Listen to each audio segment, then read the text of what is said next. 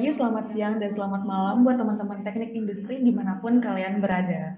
Sharing alumni yang udah dinanti-nanti kembali lagi nih. Tentu saja dengan pembahasan yang gak kalah seru dan menarik dari yang sebelum-sebelumnya. Tentu aja dong. Hari ini kita kedatangan bintang tamu yang spesial kayak martabak. Salah satu alumni teknik industri UGM yang sekarang udah jadi orang keren banget nih. Beliau ini merupakan seorang konsultan di perusahaan yang udah gede, yaitu Accenture. Wah, teman-teman pasti makin penasaran gak sih? Pasti banget gak sih? Aduh, tanpa menunggu waktu lama-lama lagi, kita sambut Mas Agus Pahala Simbolon, alumni Teknik Industri UGM, angkatan 2009. Halo teman-teman, halo rekan-rekan semuanya. Terima kasih untuk mengundang di sini. Ya, halo Mas Agus. Wah, Mas Agus ini keren banget ya, nggak sih teman-teman? Bukan main-main. Iya, bener banget Mas Agus. Boleh dong sharing-sharing ke kita adik-adik kakak ini. Mas Agus kan sekarang bekerja di Accenture ya.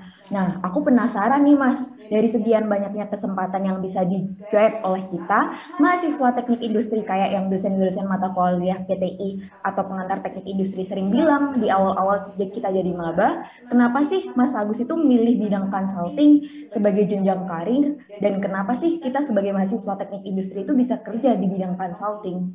Oke, ya uh, sebelumnya saya kenalan dulu kali ya. Mungkin banyak-banyak adik-adik yang belum kenal. Oke, uh, rekan-rekan teman-teman, nama saya Agus Simbolon. Kalian boleh panggil saya Agus. Nah, uh, saya masuk PI itu tahun 2009, uh, lulus tahun 2013, lalu lanjut duanya uh, di M juga EU Game juga tahun 2013 hingga 2014.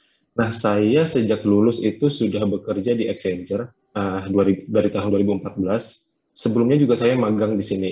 Uh, ketika ada kesempatan kerja praktek dari kampus, saya juga magang di sini di Accenture. Uh, jadi saya di Accenture itu sudah sekitar 8 tahun. Saat ini saya di Accenture uh, sebagai manajer, teknologi consulting manager di strategi and consultingnya yang uh, mostly kebanyakan sih mengurusi masalah banking uh, klien-klien banking. Nah uh, terkait dengan yang pertanyaan dari Haka dan Muti tadi ya. Nah saya uh, pernah teringat gitu uh, ucapan dari salah satu dosennya kita Pak Budi Hartono dulu ketika saya masih kuliah kan banyak orang menganggap teknik industri itu kan generalis banyak yang bilang teknik industri itu generalis tapi Pak Budi Hartono waktu itu bilang bahwa uh, teknik industri itu bukan generalis, tapi sistem spesialis. Kenapa? Karena di teknik industri itu kita belajar banyak hal, uh, mulai dari uh, sisi manusianya, sisi teknologinya, dari sisi organisasi dan uh, banyak hal lainnya juga. Dan itu membantu kita untuk mendapatkan perspektif yang lebih luas kan ya, mendapatkan perspektif yang lebih luas untuk melihat sebuah aspek, untuk menemukan sebuah solusi gitu dari permasalahan yang dialami oleh perusahaan tertentu. Nah, begitu juga dengan consulting. Nah, consulting itu juga harus melihat uh, dari berbagai aspek untuk menemukan sebuah solusi gitu. Nah, dengan uh, pengalaman dan pengetahuan dan skill yang kita dapatkan sebagai uh, mahasiswa atau alumni teknik industri yang sudah terbiasa untuk melihat uh, segala sesuatunya sistem itu dari berbagai aspek uh, secara komprehensif. Di situ juga kita nanti di consulting akan mengaplikasikan ilmu itu untuk uh, bisa membantu klien kita perusahaan-perusahaan yang yang uh, mendapatkan jasa kita untuk permasalahan-permasalahan uh, yang mereka hadapi atau untuk bisa uh, menemukan strategi yang tepat untuk uh, transformasi perusahaan tersebut. Ya, kira-kira begitu. Oke, bener banget nih kata Mas Agus. Kalau misalnya teknik industri itu sangat umum, general gitu ya. Kayak kita masih punya waktu 4 bulan lagi buat milih di bidang apa. Tapi bidang consulting ini pasti menarik banget. Kamu menarik nggak sih Kak sama iya, ini? Menarik banget sih, bener banget kata Mas Agus. Kayak karena kita mempelajari banyak hal, jadi kita bisa melihat banyak perspektif gitu ya. Nah, kira-kira um, aku mau nanya nih ke Mas Agus, dari sekian banyaknya um, consulting group gitu, kenapa Mas Agus milih Accenture nih Mas? Apa yang spesial dari Accenture? Oke, okay, jadi sebenarnya uh, kalau ditanya consulting itu, consulting itu kan sebenarnya luas banget nih. Ada consulting yang bergeraknya spesifik di uh, strategi doang strategi saja uh, seperti McKinsey, BCG atau Bain itu yang mereka fokus kepada uh, strategi, menyusun strategi uh, bagi perusahaan tersebut. Nah, uh, yang yang berbeda dari Accenture adalah Accenture juga terlibat dalam implementasi dari strategi tersebut. Jadi kita uh, mainnya tuh end to end, mulai dari strategi sampai implementasi sampai juga post implementasi. Jadi uh, istilahnya kalau misalnya pada tahap pertama kita sudah menyusun nih strategi buat perusahaan tersebut. Perusahaan tersebut harus melakukan uh, project A, B, D, C dan D. Nah, kemudian pada tahap implementasi kita actually untuk mengimplementasikan apa yang kita susun atau atau apa yang kita plan uh, pada tahap pertama tersebut. Uh, itu sih yang menariknya dari dari uh, Accenture. Jadi kita nggak hanya uh, nggak hanya dalam tataran strategi saja, tapi kita juga uh, bergerak di bidang implementasinya. Nah, mungkin banyak orang yang sering menganggap uh, bahwa Accenture itu lebih lekat ke IT ya, lebih lekat ke IT dan uh, sebenarnya kalau berdasarkan pengalaman saya saya ya kurang lebih begitu juga. Karena mostly pekerjaan uh, kita, proyek-proyeknya kita itu di bidang IT. Nah, uh, kenapa? Karena memang ya kita tahu sendiri kan ya, yang namanya IT itu growth-nya itu eksponensial. Semua uh, transformasi dalam perusahaan, bukan hanya dalam perusahaan, tapi juga dalam uh, organisasi negara itu uh, berputar seputar IT, berputar seputar IT juga. Nah, itu juga makanya untuk teman-teman mahasiswa teknik industri itu juga perlu untuk mengembangkan skill, kompetensi di bidang IT juga, sistem informasi, information technology, dan tren-tren yang uh, saat ini ada di IT seperti itu. Oke, ini Mas Agus nih kalau diintip dari LinkedIn itu udah eksenter banget gitu ya Mas dari magang terus kerja juga di Accenture Wah keren-keren, apalagi Accenture juga udah IT, udah apa kayak IT banget tuh kalau bahasanya. Nah ini udah maju banget ya Mas Accenture. Nah mungkin kita juga tertarik nih kalau untuk masuk ke Accenture, gimana Hak? Iya tertarik sih lumayan, cuman masalahnya pelajaran yang kita lagi emban nih, pemrograman dasar itu juga susah banget ya. Kalau boleh tahu Mas Agus Simon, waktu kuliahnya udah jago banget mata kuliah pemrograman dasar atau gimana nih mas? Oh ini juga nih. Uh, memang harus kita akui kan uh, kurikulumnya kita itu nggak terlalu berat di IT gitu. Uh, pemrograman dasar kita kalau nggak salah cuma satu mata kuliah dan sistem informasi cuma satu uh, mata kuliah. Gak tahu kalau sekarang ya saya soalnya saya udah lulus 10 tahun yang lalu gitu. Uh, ketika proyek pertama saya itu, uh, proyek pertama saya itu itu sudah langsung berproyek uh, yang terkait dengan IT. Waktu itu kita implementasi uh, core banking di salah satu bank uh, besar juga di Indonesia. Nah, Uh, di situ di situ tuh saya sempat ngeblank. Karena kan kalau meeting pembahasannya itu terkait IT database-nya segala macam uh, kemudian networknya bagaimana kemudian pakai istilah-istilah IT di situ saya sempat uh, sempat uh, ngeblank. Karena ya nggak terlalu dipersiapkan uh, skill kompetensi IT-nya gitu. Sehingga ketika berbicara tentang IT uh, pada saat di meeting-meeting dan di project-project awal saya itu bingung. Kebanyakan diam dan ya jadi begitulah makanya uh, jadi banyak belajar ulang lagi sih ketika di di sini. Nah kemudian ada satu hal yang menarik juga sih. Uh, saya sempat S2 gitu kan di Taiwan di uh, National Taiwan University of Science and Technology di NTUST. Uh, di situ kita dituntut juga untuk paham uh, programming. At least tahu salah satu bahasa programming entah itu C atau C++ atau Java uh, dan itu profesor saya yang bilang kamu uh, bisa bahasa pemrograman apa waktu itu saya bilang nggak bisa nah kalau di sini tuh harus harus ngoding, harus buat program sendiri. Uh, karena anak teknik di sini, dan itu bukan cuma anak teknik industri, baik itu teknik sipil, teknik material, teknik mesin, itu mereka dituntut untuk paham pemrograman juga karena memang uh, perkembangan industri itu itu uh, didorong atau di, di inspire oleh IT perkembangan teknologi sehingga anak anak-anak teknik bukan hanya teknik industri tapi juga teknik-teknik lainnya itu juga harus paham gitu uh, at least uh, basicnya lah basicnya terkait dengan IT atau sistem informasi. Wah berarti Mas Agus ini jago banget ya pemrograman udah belajar banyak gitu mungkin kita besok bisa les nih sama Mas Agus. masih newbie juga, masih newbie juga. nah, tadi kan bicara apa aja yang dikerjain sama Mas Agus nih di Accenture. Nah, kalau apalagi sih Mas kalau posisi teknologi consulting manager tuh apa aja yang dikerjain selain yang udah disebutin sama Mas Agus tadi? Mungkin bisa diceritain. Oke, okay, uh, eh, jadi kalau misalnya dalam teknologi consulting ya, sesuai namanya, jadi kita banyak bergerak di bidang teknologinya. Jadi sebenarnya di Accenture itu ada banyak grup, uh, ada yang manajemen consultingnya, ada yang strategi, uh, kemudian ada yang teknologi, dan juga ada yang operation. Dan kita ada grup terakhir namanya digital, jadi ada lima grup. Nah, di masing-masing itu juga ada yang kita dibagi per spesifik industri. Seperti contohnya saya di strategi and consulting, itu ada yang uh, di manufaktur, ada yang manufaktur juga nih. Jadi banyak juga teman-teman kita yang uh, di perusahaan-perusahaan manufaktur kliennya, ada juga yang di uh, jasa. Nah, kalau saya spesifik di banking itu. Nah, apa sih yang kita lakukan gitu kan sebagai consulting? Ini sebenarnya pertanyaan yang cukup uh, sering ditanyakan dan sulit dijawab juga. Uh, apalagi kalau misalnya orang tua saya atau saudara-saudara nanya kerja di mana di Accenture. Uh, kerjanya itu apa? Consulting. Consulting itu bagaimana? Nah, itu kan sebenarnya ada agak susah dijawab. Beda dengan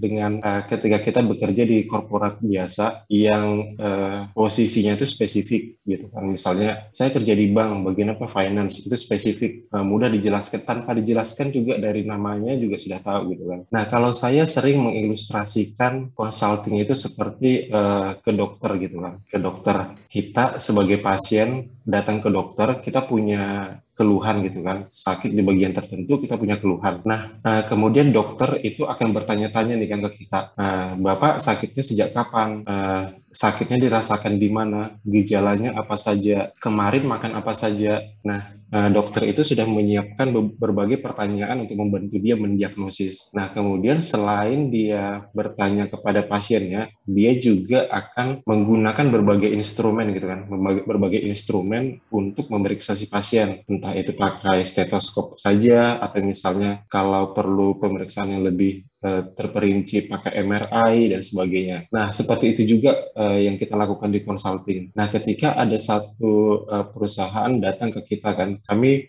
punya uh, strategi seperti ini. Uh, kami punya strategi untuk uh, lebih lebih mendigitalisasi operasi operasi kami di, di misalnya di perusahaan kami. Nah, tapi kami punya masalah uh, seperti ini misalnya um, ada uh, masih banyak sistem-sistem yang kita kita belum bisa disambungkan ke channel-channel yang digital dan sebagainya. Nah, apa yang kita lakukan sebagai konsultan? Kan kita uh, perlu mencari tahu dulu nih, perlu mencari tahu dulu oh uh, sistemnya itu apa saja, kita list down sistemnya apa saja, capability sistemnya itu apa saja, kemudian orang-orang yang terkait dan role-role yang terkait untuk menjalankan sistem ini apa-apa saja, dan kemudian kita juga mempunyai tools atau instrumen yang kita punya sendiri, uh, asetnya kita, untuk membantu kita uh, menemukan gitu kan, menemukan uh, permasalahan uh, root cause dari permasalahan yang dialami oleh si klien. Dan kemudian dari situ kita juga mengembangkan strateginya. Nah, nah meskipun kita uh, pu sudah punya standar ya, sudah punya standar, uh, baik itu dari standar kuesioner uh, atau pertanyaan-pertanyaan yang perlu kita tanyakan, kemudian toolsnya kita juga sudah standar, tapi dari satu perusahaan ke perusahaan lain kondisinya itu bisa berbeda, bisa sangat berbeda. Itu sebabnya kita perlu adjust fine tuning uh, dari sisi uh, dari sisi bagaimana kita mendiagnosis dan bagaimana kita memberikan uh, solusi atau strategi. Uh, itu sebabnya consulting ini menariknya itu sih karena dari satu perusahaan ke perusahaan lain kita kan uh, based on project ya kerjanya based on project. Dari satu perusahaan ke perusahaan lain dari satu project ke project lain yang di mana kita banyak menemukan hal-hal baru. Apa yang ada di perusahaan A itu bisa jadi berbeda di, dengan uh, perusahaan B meskipun mereka bergerak di bidang industri yang sama. Misalnya di bank BRI atau di bank misalnya bank mandiri. Eh, sama-sama BUMN sama-sama bank sama-sama bank yang bergerak di bidang retail juga tapi kondisinya itu bisa jadi sangat berbeda. Sehingga kita nggak bisa uh, memaksakan satu solusi yang standar untuk segala jenis permasalahan. Uh, jadi kita harus uh, istilahnya tailor made lah. Harus adjust uh, fine tuning mana yang cocok uh, di perusahaan A mana yang cocok di perusahaan B. Itu sih salah satu serunya aku di consulting juga. Seperti itu. Wah nyai kalau misalkan dari cerita Mas Agus ini berarti emang Mas Agus orangnya suka banget challenging gitu ya, kayak suka banget iya, untuk solve problems gitu. Iya, ya. apalagi kita bisa jadi dokter gak sih Mas jadi dari consulting ini tanpa belajar biologi. betul, betul. nah, dari yang aku tangkap nih Mas, kan uh, berarti um, banyak banget perusahaan yang datang ke Mas itu membawa masalah ataupun goals yang ingin mereka tuju ya Mas. Nah, pastinya um, kayak pusing banget gitu bukan pusing juga sih maksud aku kan pasti uh, ada dong problem yang sangat susah gitu. Dan dari pengalaman-pengalaman mas di consulting group ini kira-kira ada nggak sih halangan saat menyelesaikan problems dari perusahaan tersebut? Dan kira-kira bagaimana cara mas untuk menangani problem-problem itu sebagai lulusan teknik industri tentunya mas. Oke, okay, ya uh, kalau dari pengalaman saya sih selama 8 tahun gitu ya uh, di consulting, sejujurnya saya belum pernah melihat ada satu proyek yang berjalan uh, mulus tanpa ada masalah, tanpa ada hambatan gitu kan. Di tiap proyek itu selalu ada tantangannya. Nah, kenapa bisa begitu? Karena kan ketika kita melakukan planning terhadap proyek, kita kan berde, uh, berdasarkan asumsi dan fakta yang ada pada saat itu. Nah, berdasarkan asumsi dan uh, fakta yang ada saat itu, kita uh, susun dulu asumsinya, uh, skopnya seperti apa, ruang lingkupnya seperti apa, kemudian apa saja yang perlu dikerjakan, dan kondisi-kondisinya bagaimana. Nah, uh, dari situ kita bikin planning kan. Nah, kira-kira dengan skop begini, itu kita uh, akan butuh uh, berapa lama, misalnya 12 bulan, ber butuh berapa orang, misalnya katakanlah 20 orang. Nah, uh, kemudian butuh budget berapa. Nah, tapi ketika uh, kita sudah menjalankan project, itu ada saja hal-hal yang misalnya kita overlook pada saat melakukan planning. Karena kan uh, project itu uh, cukup kompleks. Uh, kompleksitinya itu nggak nggak cuman nggak cuman dari sisi uh, teknologinya saja, tapi juga dari sisi manusianya, tapi juga dari sisi organisasinya dan juga dari sisi culture-nya. Nah, yang itu ada aja itu yang bikin uh, bikin isu. Sebagai contoh misalnya uh, dalam mengerjakan satu project itu bisa jadi kita punya inde, uh, dependensi, kita punya dependensi dengan project lainnya yang kita tidak pegang. Nah, misalnya kita mengerjakan project A, uh, misalnya implementasi sebuah sebuah sistem gitu ya teknologi, tapi uh, punya dependensi dengan proyek yang sedang jalan, tapi itu tidak kita pegang. Nah, uh, ketika ada dependensi seperti itu, ketika proyek B mengalami isu, mengalami delay, itu juga akan berpengaruh terhadap uh, performanya kita gitu kan. Terhadap performanya kita, uh, kita nggak bisa lanjut nih kalau misalnya proyek B, sistem B itu belum selesai. Nah, tapi ini kita nggak nggak pegang. Nah, kita juga nggak punya kewenangan untuk itu gitu kan. Nah, uh, tapi sometimes itu klien juga akan uh, meminta kita sih, meminta bantuan kita untuk juga melakukan tracking, untuk kita juga bisa lihat uh, dan menemukan uh, solusi gimana supaya project B ini itu bisa tetap lanjut jalan sehingga nggak mempengaruhi uh, apa yang kita kerjakan di project A, kira-kira seperti itu. Nah, kemudian ada juga nih uh, begini juga, uh, ketika kita melakukan satu project gitu kan kepada dengan satu perusahaan, resource atau counterpart kita dari yang dari satu perusahaan itu kan sebenarnya comot-comotan kan, comot-comotan dari uh, bagian A, bagian B, divisi A, divisi B gitu kan. Nah, selain mereka mengerjakan uh, project gitu kan, mereka juga tetap harus uh, mengerjakan tugas daily-nya mereka yang diassign dari divisi mereka masing-masing. Nah, kadang ada aja itu ketika di uh, di divisinya mereka mereka punya isu sehingga mereka uh, sorry nih saya nggak bisa join dulu di project beberapa hari karena saya ada isu di, di divisi saya. Nah, sehingga orangnya itu jadinya nggak ada yang bisa mengerjakan itu dan itu juga jadi potensi isu gitu kan. Nah, jadi tugasnya kita sebagai consulting itu juga harus bisa mengidentifikasi. Nah, ini penting untuk mengidentifikasi setiap risiko dan setiap isu yang muncul kita laporkan, kita eskalasi dan kita juga uh, berusaha membuat uh, mitigation plan-nya bagaimana untuk mitigasi risiko dan uh, isu tersebut. Kira-kira seperti itu sih. Wah, keren banget sih Mas Agus dalam memecahkan permasalahan di dunia consulting ini. Nah, ngomong-ngomong nih Mas, selain pemrograman dasar, itu ada mata kuliah apa sih yang harus kita dalami biar kita bisa belajar serius yang nanti bisa digunain kalau kita jadi consulting, Mas? Oke. Okay. Ya, ini ada satu mata kuliah sih yang menurut saya penting banget, uh, project management atau manajemen proyek. Nah, kalau waktu uh, saya kuliah, itu masih jadi uh, mata kuliah pilihan. Saya nggak tahu kalau sekarang masih jadi mata kuliah pilihan atau sudah wajib ya? Wah, kurang tahu sih Mas. Kita masih semester 2 nih Mas. Mungkin okay. kita besok bisa kalau kalau wajib kita pilih biar bisa ya, jadi consulting. Ya. ya. Nah, ini juga sebagai saran juga sih ke kampus untuk bisa buat itu sebagai mata kuliah wajib. Kenapa? Karena seperti yang saya ceritakan di awal, uh, pergerakan atau pertumbuhan uh, industri itu kan sangat cepat gitu. Terutama itu di didorong oleh perkembangan di dunia digital. Nah, sehingga perusahaan itu itu banyak melakukan transformasi baik dari secara operasionalnya mereka, baik dari secara pengembangan produknya mereka dan juga bagaimana mereka uh, menginternalisasi pekerjaannya mereka. Itu banyak didorong oleh perkembangan uh, teknologi dan digital. Sehingga dengan banyaknya transformasi itu akan sangat banyak proyek-proyek baru yang dikerjakan oleh suatu perusahaan. Jadi perusahaan itu ketika mereka mereka uh, punya satu proyek, mereka bisa pakai konsultan atau mereka bisa mengerjakan sendiri. Nah, itu sebabnya da, satu employee atau satu karyawan itu bisa jadi akan terlibat uh, project. Bisa jadi setiap tahun mereka akan akan terlibat uh, project gitu kan. Satu project di tahun tahun ini, tahun depan dia akan terlibat di project yang berbeda,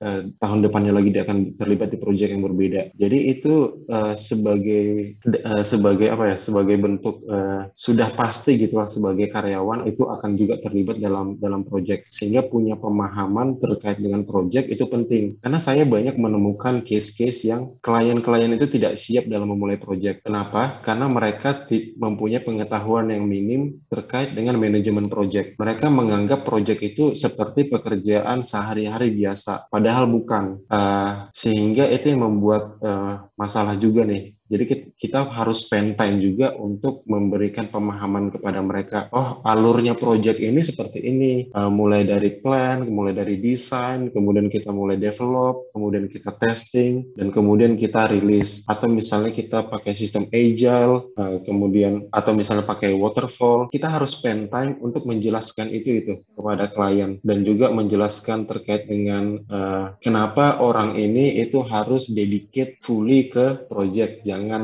uh, jangan uh, dedicate lagi ke divisi mereka masing-masing itu kita harus jelaskan gitu berulang-ulang sehingga perlu sih uh, bagi setiap orang itu punya pemahaman uh, at least di basic atau intermediate di bidang project management sih. Wow, project management besok pokoknya kita tandai, kita pilih dan bisa jadi consulting. Habis itu kita nggak bakal tipsen-tipsen lagi nih. aduh jangan eh, iya, aduh, oh iya iya. Jujur dari apa ya podcast ini kita tuh belajar banget, banyak banget ya nyoy. Yeah. Um, terutama kayak kita benar-benar aspire to be Mas Agus Simbolon karena Mas Agus Simbolon itu uh, orangnya sangat challenging banget nih, suka banget cari-cari kayak suka banget problem solving gitu ya. Iya, Bela belajar buat kita juga nih Nyoy, berarti kita ke depannya itu jangan kabur dari masalah, tapi kita harus solve the problem juga gitu ya Nyoy. Betul. Ya, kehidupan, masalah percintaan, aduh kuliahan, semua harus kita solve Nyoy. Bener banget nih. Nah, kita beruntung banget guys sih ada sharing alumni yang fasilitasi kita. Jadi kita tuh bisa lebih tahu dan bisa ngulik lebih lagi tentang dunia consulting, apalagi dari Mas Agus Simbolan. Wah, keren banget. Betul banget yang udah expert di sini iya. ya. Sayang banget ya teman-teman karena ada yang keterbatasan waktu, jadi mungkin kita bincang-bincangnya sampai di sini dulu. Ya, padahal kita masih pengen ngobrol lagi ya, lebih jauh lagi gitu. Nah, terima kasih banyak Mas Agus sudah dibela-belain untuk datang ke sharing alumni podcast ini. Iya, makasih banyak ya Mas Agus Simbolan. Pasti Mas Agus juga sibuk sekali, tapi tetap menyempatkan untuk bertemu dengan penerus-penerus Mas Agus ini. Amin. Amin. Mantap. Bye teman-teman semua. Jangan lupa stay tune karena Sherloom akan terus mengundang alumni-alumni kita yang gak kalah keren nih. Pastinya. Support kami dengan like, follow podcast ini ya. Bye. Bye.